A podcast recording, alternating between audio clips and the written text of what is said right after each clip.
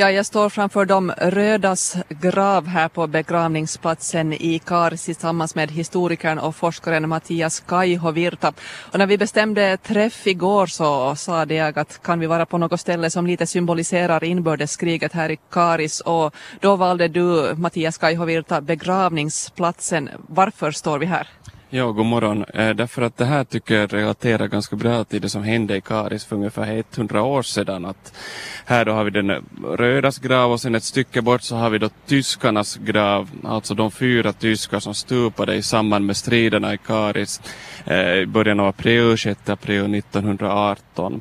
Och de blev då eh, begravda här och fick en gravsten ett år senare. Och sen här på den här platsen så har vi då är det då 14 stycken röda och eh, de stupar ju då inte i samband med de här striderna men där blev däremot sen avrättade då efter, efter då de här striderna här i, i Karis och i Västankvarn.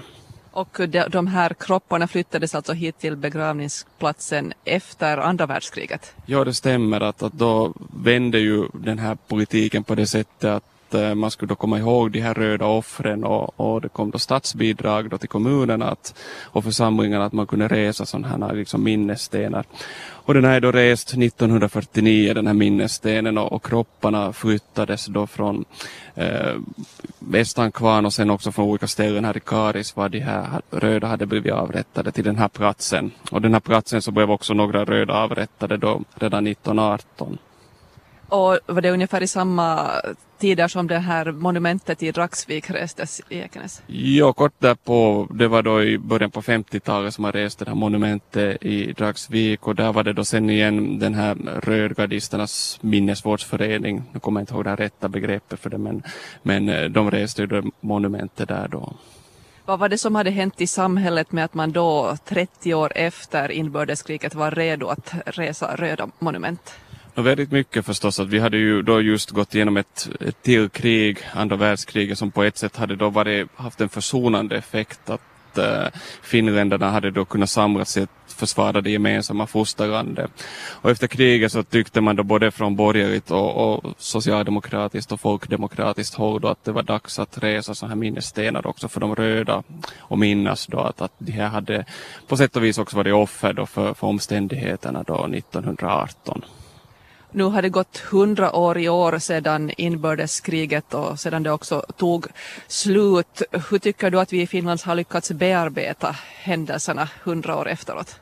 Rätt så bra. Att jag tycker att, att den här debatten och diskussionen i år har varit rätt balanserad. Att inga sådana här liksom, övergrepp på olika sätt. Men, att, men äh, alltså här har ju nog historikerna haft en stor roll i den här försoningsprocessen. Att ta reda på vad som har hänt och liksom på ett objektivt och balanserat sätt framställa då fakta. Fast det har varit liksom känsliga saker så har man kunnat ta fram de här sakerna. Och idag så är det ganska öppet att kunna diskutera svåra saker. Men det finns, finns det många frågor som ännu pockar på att bli undersökta. Hur tycker du att vi i Finland har lyckats med försoningen? jag tycker att vi har lyckats väldigt bra. Att vi kan ju titta ut i Europa bara att se till Balkan eller Spanien så det är ställen var man ännu har det här framför sig och där är det väldigt känsligt och väcker mycket konflikter precis som i Finland kanske på 20-30-talet men att tiden är nog, nog mogen och, och det visar ju nog att, att vi i Finland har klarat av det här ganska bra. Vi är ett demokratiskt samhälle och vi har det väldigt bra här trots det som hände för 100 år sedan. Ja, det har alltså gått 100 år sedan och det pratas mycket om inbördeskriget just i år. Är det här nu i och med alla de här jubileerna ett avslutat kapitel? No, jag hoppas att det inte är det. Att, att det är klart att nu så kommer det att vara inflation på, på inbördeskriget. Men att, att det är klart att de här sakerna, att det är viktigt att man kommer ihåg och fortsättningsvis minns att sådana här saker hänt. Och det, det är viktigt för att samhället ska kunna gå vidare. Eh, men att man får ju inte glömma det här för att glömmer man så kan det också upprepas. Det är den risken som alltid finns och vi måste komma ihåg att varför det här inbördeskriget också, också vad heter det, uppstod och sen den där försoningsprocessen, att hur viktigt det är att, att hela tiden kunna samlas och diskutera fritt och öppet kring de här sakerna.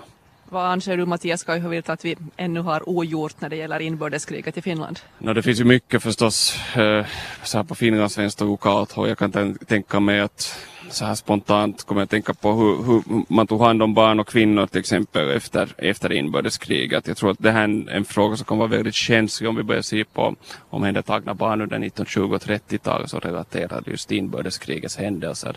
Där kan det vara sådana saker som kan till och med riva upp gamla sår. Idag så öppnar en utställning i lokalarkivet Arresten i Karis. Det är vernissage i eftermiddag och det är en utställning som handlar om Karis mellan 1917 och 1919 och den här utställningen kommer att vara öppen på tisdagar mellan 13 och 16 och onsdagar klockan 15 och 18 i Arresten. Och eh, du Mattias Kaihovirta, du har också forskat en del i vad som hände här i Karisregionen under inbördeskriget. Vad kan du berätta? Ja, no, jag har ju studerat förstås Birnes och förstås mycket, en del av den här återhämtningsprocessen efter, efter kriget. Hur går man vidare efter att ett antal liksom, lokalinvånare har blivit avrättade? Att, att hur ser samhället ut? Och, och, och just kanske lite kring de här sociala frågorna också. Att, hur, hur reder man upp liksom efteråt, eh, ta hand om människor som har drabbats, familjer, kvinnorna framförallt som då när männen är i fångläger eller har blivit avrättade. Vilket slags socialt ansvar bygger man upp och jag tror att här börjar vi hitta de här rötterna till, till den moderna välfärdsstaten också, att hur man organiserade socialpolitik till exempel, rent konkret och praktiskt. Vi står alltså här på begravningsplatsen i Karis vid de rödas monument och en bit härifrån finns det en grav med fyra tyskar som stupade under inbördeskriget. Hur bra tror du att Karisborna känner till att det finns det här just på, på begravningsplatsen här vid Centralgatan i Karis? No, det kan vara att det här är lite okänd historia. Att, att, eh, själv så är jag ju då en, en eh, invandrare i Karis men att, att det där, um, jag tror att, att det här är saker som man inte känner så väldigt bra till att vi har den här minnesstenen över de här tyska soldaterna som restes faktiskt bara ett år efter inbördeskriget och finansierades då av brukspatron Hisinger från Billnäs. Och då i, till, då i början på 20-talet så var det ju ofta sådana här minnesparader som ordnades då, minnesfester i samband med den här ortens befrielse som man kallade det för. Men sen tror jag att det har fallit i glömska att många Karisbor känner inte till och kanske inte heller det att, att här i centralkaris har vi den här Rödas också minnessten och, och den makabra historien bakom det att, att det är frågan om personer från Karis och Billnäs som blev avrättade och sen flyttade hit. Att, jag tänker mig bara den här situationen på 40-talet när man faktiskt flyttar de här kropparna hit och så här liksom att, att det måste ju vara en ganska oerhörd ångestladdad säkert process och det här att det på ett sätt väcker till liv de här, de här händelserna som ägde rum då 30 år tidigare då när vi talar om 1940-talet.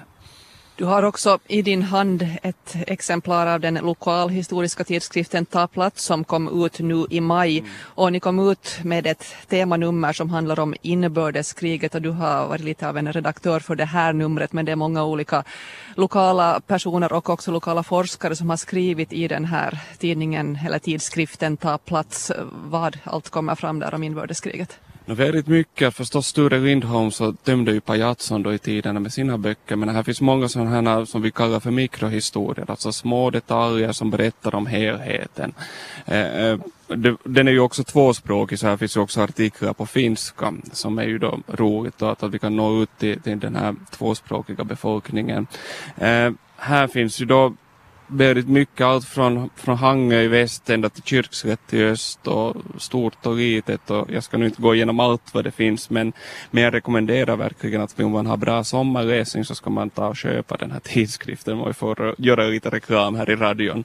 Det är alltså föreningen Gardberg där du också sitter med i styrelsen om jag inte har fel som ger ut den här ambitiösa tidskriften där vi kan läsa om inbördeskriget. Hur Ännu en sista fråga Mattias Kaihovirta, forskare och historiker. Hur stort tycker du att intresse bland lokalbefolkningen är för det som har hänt här för hundra år sedan? Jag tror nog att det finns ett stort intresse just när vi har duktiga skribenter och aktiv lokalhistoria med aktiva lokalhistoriker som för fram de här sakerna så tycker jag att, att oftast när det ordnats något tillfälle så dyker det alltid upp mycket folk och lyssnar och, och, och är intresserade och vill veta mer. så att det ser jag som väldigt positivt.